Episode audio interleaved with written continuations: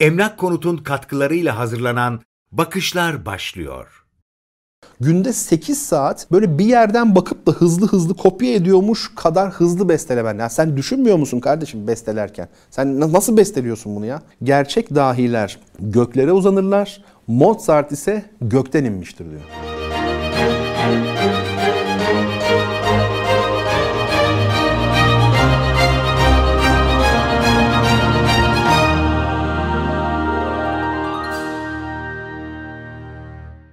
Efendim herkesi sevgiyle, saygıyla selamlıyorum. E, çok değerli bakışlar izleyicileri yine bir haftalık aranın ardından My Mecra kanalında bakışlarda sizlerle buluşmuş olmanın mutluluğunu yaşıyorum. Geçen hafta Johann Sebastian Bach'tan bahsetmiştik. Bu haftada bu diziyi devam ettirelim. Daha doğrusu bunu bir diziye dönüştürelim istedim. Ve e, yine klasik batı müziği olarak adlandırılan bu müziğin en önemli bestecilerinin başında gelen Wolfgang Amadeus Mozart üzerinde durmak istiyorum. E, öncelikle şunu söyleyeyim. Mozart mı, Mozart mı? Hani en böyle merak edilen konulardan başlayalım. Mozart çünkü Almanca okuyacaksak e, öyle. Fransızlar sondaki T'yi de okumuyor ona bakarsanız. Mozart diyorlar mesela. Mozart. E, ama Mozart e, normal telaffuzu. Bir de Mozart Alman mı? Bu da çok sor, sorulur. E, efendime söyleyeyim. Mozart şimdi şöyle Avusturyalı olarak geçiyor. Fakat şunu unutmayalım. E, babası Salzburg'da yani Mozart dünyaya gelmiş fakat babasının geldiği yer Münih. Babası aslen Münihli. Dolayısıyla köken Alman. Babası Alman yani kendisi de e, şeye taşındı diye e, Salzburg'a taşındılar diye Avusturyalı olmadılar yani onu söyleyelim ama doğduğu yer Avusturya, yaşadığı yer Viyana. Bir de tabii pek çok turne yapmış hayatı boyunca. Şimdi Mozart'la ilgili ne konuşabiliriz? niye bu kadar popüler Mozart? Bence şöyle söyleyeyim hani dünyanın gelmiş geçmiş en popüler bestecisi kimdir? Hani Michael Jackson mı Mozart mı? Galiba Mozart. Yani değil mi her alanda yani popta falan da bütün alanlarda şöyle baktığınızda e, Mozart'tan daha tanınmış bir isim. Adeta böyle ikon haline gelmiş yani çok e, ilginç. E, bunu gerçekten hak edecek kadar e, büyük müydü Mozart? E şüphesiz öyleydi. Yani hiç kimse aksini iddia edemez. Fakat Mozart'ın hayatına daha yakından baktığımızda, onu daha yakından tanımayı istediğimizde ilginç olgularla karşılaşıyoruz. Bir kere ben size Mozart'ın rakipsiz olduğu alanı söyleyeyim. Yani tek olduğu alanı söyleyeyim. O alan şu. Bir besteci büyük bir besteci olabilir. Mesela Beethoven çok büyük bestecidir. Bach ne dedim? En büyük besteci Bach'tır klasik batı müziğinde. Ama bestecilik başka bir şey kişisel müzik becerileri biraz başka bir şey. Yani kişisel müzik becerileri ne demek? Allah vergisi yeteneklerle olağanüstü pratik uygulama yapabilmek demek. Bu konuda Mozart gerçek bir e, dahidir. Hatta Albert Schweitzer'in bir sözü var. Aynen şöyle diyor kelimesi kelimesine. Gerçek dahiler göklere uzanırlar. Mozart ise gökten inmiştir diyor. Zaten gökten inmiştir. Düşünebiliyor musunuz? İnanılmaz bir söz bu. E tabi Mozart'ı iyi bilen biri Albert Schweitzer. Ona hiç şüphe yok. Mozart bu kadar e, büyük bir e, yetenekti. Normalde bestecilere falan yetenekli denmez. Yani ben bir piyanist için yıllarını bu işe vermiş bir piyanist için yetenekli diyemem. Çok ayıp bir şey. Çünkü yetenek çocukta olur. Ya çocuk için dersiniz yetenekli diye. Ya koskoca sanatçı olmuş, piyanist olmuş, belli bir yaşa gelmiş. Ne yeteneği artık yani o artık bambaşka bir noktaya gelmiş.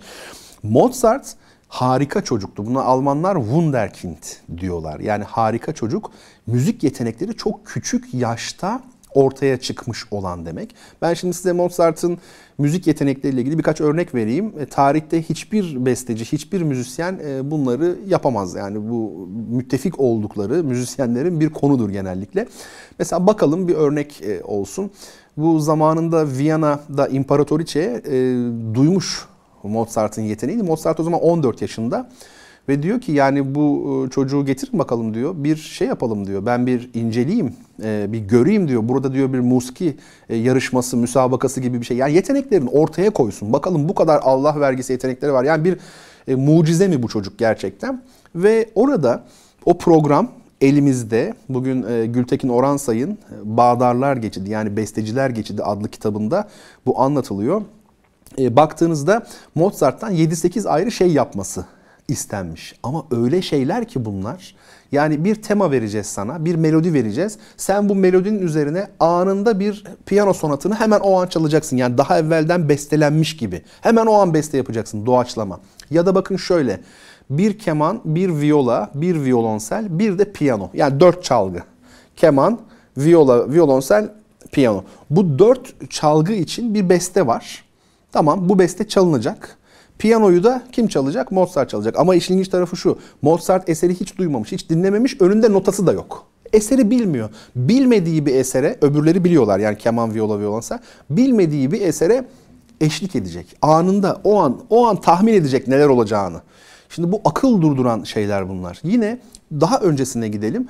Mozart e, tabi babası çok e, aydınlanmacı bir insan. Mozart'ı da yine kız kardeşiyle ablasıyla beraber e, dünyada turnelere götürmüş. Yani benim iki çocuğum da harika çocuk. Bunları bütün dünya tanısın şeklinde gezdirmiş ve Mozart 9 yaşındayken e, Roma'ya gidiyorlar. Roma'da bu meşhur var ya Vatikan işte Sistine Şapeli var. Sistine Şapeli'nde orada bir yani ismi önemli değil bir e, kompozisyon var, bir eser var. Yani bizdeki şey gibi işte bir ezan gibi düşünelim. Günün belli saatlerinde koro için yazılmış dört sesli bir eser. Bu şapelin içerisinde, Sistine Şapeli'nde, kilisenin içerisinde seslendiriliyor. Ancak bu eser e, kutsal kabul edildiği için yani böyle bir özelliği olduğu için notaya alınması yasak olan bir eser. Yani şunu demek istiyorum. İçeri girenler bu kişi besteci olabilir, işte kağıt kalem olmasın üstünde diye, müzisyen olabilir diye aranıyormuş kağıt kalem sokamazsınız. Neden? Eseri notaya almayacaksın çünkü.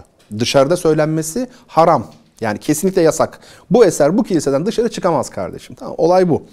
Şimdi e, Mozart 9 yaşındayken babasıyla birlikte işte Roma'da bir konser turnesinde diyorlar ki hani şey değil papalığı da görelim. Çünkü bu insanlar Katolik. Bach protestanlara da öyle bir fark var. Ve gidiyorlar. E, orada bir sabah bunu bir duyuyor Mozart müziği. 8,5 dakikalık hatta internette de var olan bir şey o eser. Müziği bir dinlemiş oluyor çocuk Mozart 9 yaşında. Ve bir süre oyalanıyorlar. Çıkmadan evvel bir daha duyuyor. Demek ki bayağı bir saat kaldılar içeride. Bir kere daha duyunca iki defa dönüyorlar. Otellerine artık o zaman nerede kalıyorlarsa. Ve dostlar Mozart bu şeyi eseri notaya alıyor. Kağıt kalemle yazıyor. Babası da bakıyor e, bu neyin nesi ne yapıyor acaba diye anlıyor hemen. Babası da müzisyen çünkü Mozart onu söyleyeyim. Çok büyük bir müzisyen. Ve e, görünce çok dindar bir adam değil babası. E, ve hoşuna gidiyor. Bunu yazdığı hoşuna gidiyor. Çünkü o şunu istiyor. Oğlumun e, büyük yeteneğini bütün dünya görsün. Fakat bu tabi papalık tarafından duyuluyor eser dışarıda çalınınca ve cezası ne biliyor musunuz? O dönemde bir insana verilecek, o manada verilecek en ağır ceza aforos. Ve papa Mozart 9 yaşındaki Mozart'ı aforoz ediyor. Fakat dikkat onun çocuk olduğunu bilmeden. Onu yetişkin biri zannediyor. Nasıl dışarı çıkarır? Kaç defa dinledi de dışarı çıkardı bunu yazabildi falan diye. Bir süre sonra birkaç gün sonra bunu yapanın 9 yaşında bir çocuk olduğunu öğrenince bir müddet düşünüyor. Ondan sonra da bu diyor bir ilahi işaret olsa gerek. Bu bir Allah'ın mucizesi yani bu başka türlü açıklanamaz diyor.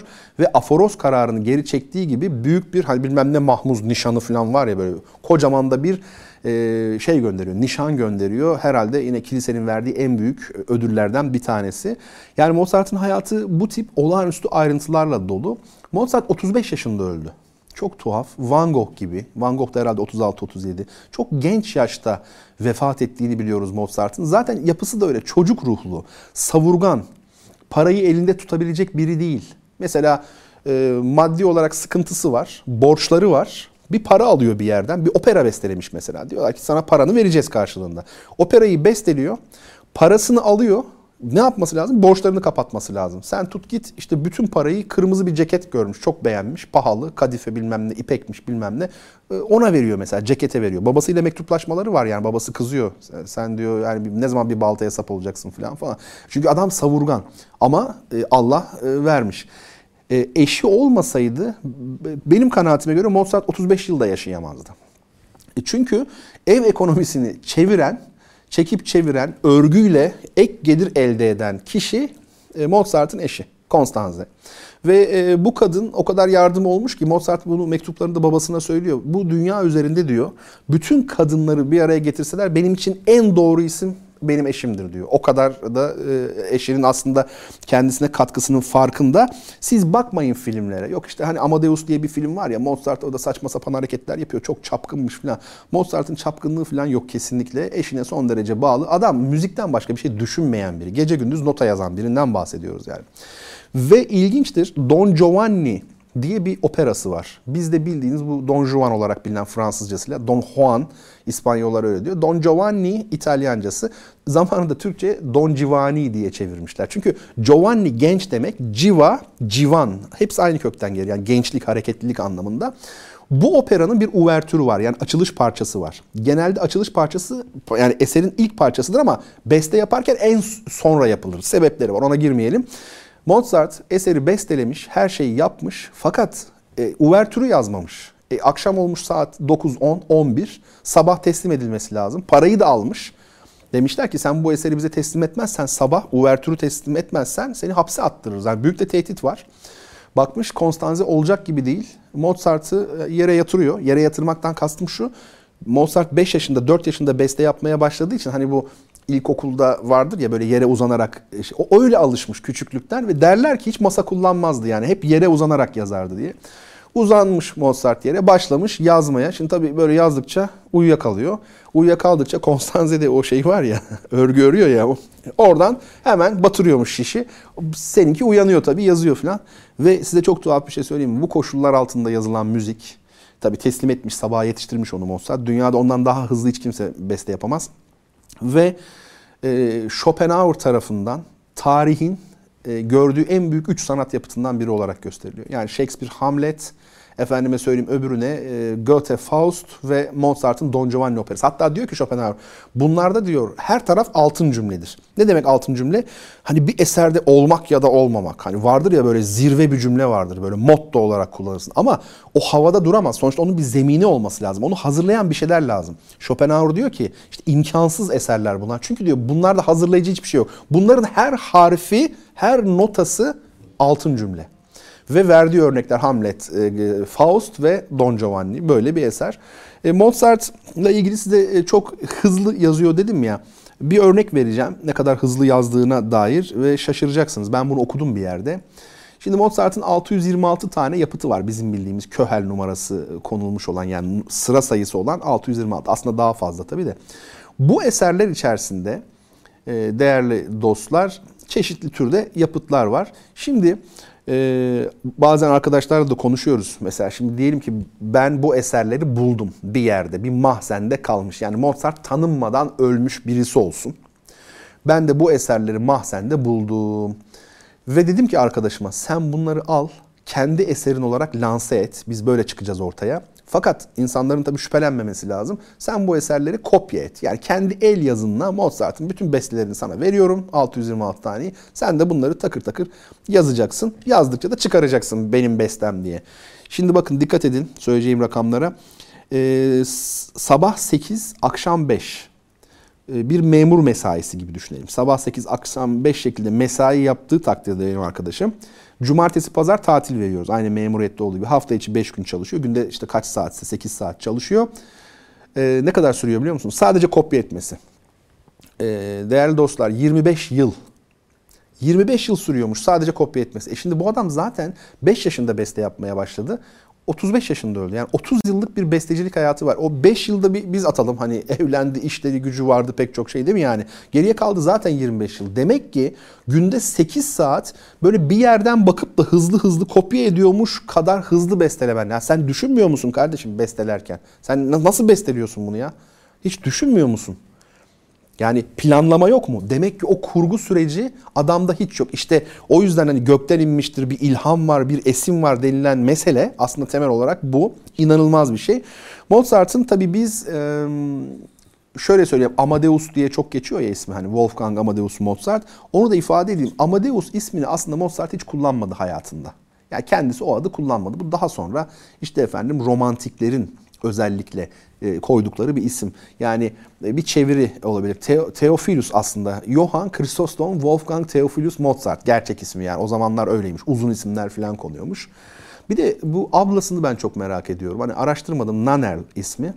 Bu kızcağız yok olmuş gitmiş yani Mozart'ı tanıyoruz bakın dikkat edin. Halbuki o da çok benzer yeteneklere sahipmiş. Muhtemelen o günün dünyasında evlendi ve yok oldu gitti kızcağız. Yani halbuki biz bilebilirdik onu da. Çünkü ıı, kardeşi kadar yetenekli bu biliniyor yani.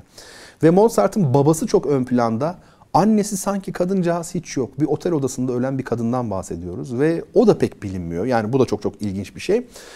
Mozart'la ilgili bir de şunu söyleyebiliriz değerli dostlar ilginçtir. E, bipolar yani iki uçlu duygu durum bozukluğu. Hani bu halk arasında manik depresif olarak bilinen rahatsızlık var ya.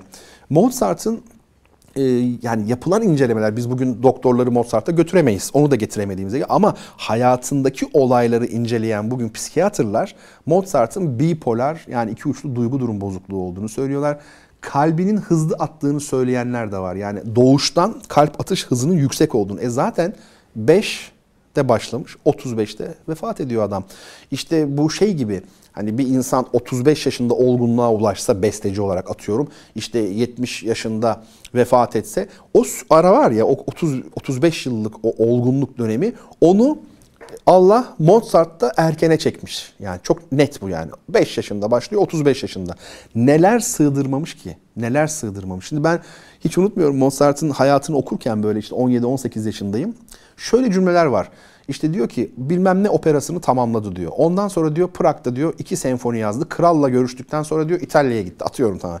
Atıyorum derken olaylar şey de isimler ya İtalya olmaz, Prag olmaz başka bir şey olur. Sonra diyor bilmem ne konçertolarını diyor Düşes filancaya ithaf etti diyor filan. Tamam. İşte okuduğunuzda şey tabii doğal olarak büyük bir insan gibi diyor. Aa, bir baktım tarihe 1767 falan adam 12 yaşında daha. Hani olgun büyük biri gibi kralla görüşüyor. Onu ona ithaf ediyor falan. Böyle inanılmaz bir şey. Ve tabii şunu da söyleyeyim. Viyanalılara bu konuda kızgınım. Yani o zamanki Viyanalılara. Mozart'ın e, ölümünde sanki adeta öldürülmüş gibi. Yani neden? O kadar büyük sıkıntılar çekmiş ki. Nasıl sıkıntılar? Bir örnek vereyim size. O dönemde İtalyan müzik mafyası çok hakim tabii her yere. İtalya şeyde de Viyana'da da çok büyük müzisyenler var. İtalyan müzisyenler. Ama şeyi düşünmeyin lütfen. O hani filmde işte Salieri var yok zehirlemek istiyor. Ya Rabbi niye en büyük yeteneklerini ona verdin? Ya yok öyle bir şey değil. O Salieri dedikleri adam Beethoven'ın hocası ya. Salieri büyük bir besteci. Mozart döneminde Mozart'tan daha tanınan, daha ünlü biri. Onu söyleyeyim. O bakımdan bunlar film icabı işler. Fakat İtalyanlar 100 dolara atıyorum 100 liraya diye niye dolar dediysek 100 liraya e, piyano dersi verirken Mozart garibim İtalyan olmadığı için 10 liraya veriyor. Yani e, hakikaten yani çok e, sıkıntı çekmiş ve ölümünden de çok az bahsedeyim. Yok işte gizemli biri geldi, Requiem yazdı. Evet bu hakikaten ilginç. Çünkü son eseri Mozart'ın Requiem Missa. Yani aslında bir cenaze müziği. Ve o yarım kalmış. Daha sonra da bir öğrencisinin onu tamamladığını biliyoruz bugünkü haliyle. Ve bugün biz o haliyle eseri e, dinliyoruz. Gayet de şey yani ünlü tanınmış bir eser bu. E, ve Mozart e, değerli izleyicilerim vefat ettiğinde bakın e, çok ilginç Beethoven vefat ettiğinde cenazesinde 20 bin kişi vardı. Önde Schubert meşale taşıyordu. O derece büyük biri Beethoven yani tanınmış. Mozart öldüğünde eşi Constanze, e, Mozart'ın bir arkadaşı kaç ettiler? İki. Ee, ve iki tane de mezar mezarlık görevlisi yani. E, tabutu taşıyacaklar ve kazıp gömecekler. E, toplam kaç kişi? Dört. Ve ne oldu biliyor musunuz? E, yola çıktıktan sonra bu insanlar şiddetli bir fırtına başladı. Yağmur başladı Viyana'da. Ve e, kadıncağız yürümekte zorlanınca Mozart'ın arkadaşı da dedi ki zorlamayalım ben seni eve bırakayım. Onlar geri döndüler. İki tane mezarlık görevlisi Mozart'ı defnetti. Biz o nedenle bugün Mozart'ın hangi mezarlıkta olduğunu biliyoruz ama hangi mezarda olduğunu bilmiyoruz. Yani yeri belli değil. Utanç verici bir şey bu. Yani değil mi? Şimdi çikolatasını yapıyorlar falan böyle her şeyini değil mi satıyorlar. E, böyle bir şeydir yani kapitalizm. Şunu da ifade edeyim. Onu da artık bir e, başka bölümümüzde detaylı bir şekilde yapalım. Şimdi sıkıştırmak da istemem açıkçası. E, Mozart'ın Türklerle olan ilişkisi. Yani Mozart Türk Marşı'nı yazdı. Sadece bu kadar mı bu ilişki? Yoksa Mozart Türklere biraz e, düşkün müydü? Yani Türk dostu diyebilir miyiz Mozart'a? Bazı operaları Türklerle mi ilgili? O dönemde Viyana'da çocuklar işte Türk geliyor öcü geliyor, umacı seni Türklere veririm falan diye uyutulurken çocuklar acaba Mozart Türkleri yüksek gösteren bazı eserler yazdı mı? Biraz da risk alıp mesela. E, Mozart ve Türklerle ilişkisini de bir başka dediğim gibi müstakil e, programda inşallah ele alma imkanımız olur. Efendim bu bölümü de böylelikle bitirmiş olalım. Haftaya tekrar birlikte olana dek hepinizi hürmetle, muhabbetle selamlıyorum çok değerli izleyicilerim.